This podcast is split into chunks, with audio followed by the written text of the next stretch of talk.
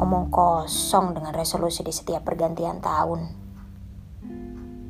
Dari tahun ke tahun, aku hanya punya resolusi yang sama dan satu. Yaitu tak pernah, tak akan pernah lagi serius.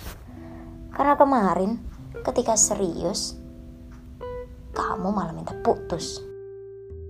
Ya jelas, Percuma lima kali pergantian tahun kita lewati bersama. Ya tak akan ada artinya. Aku serius. Eh, kamunya malah main-main terus.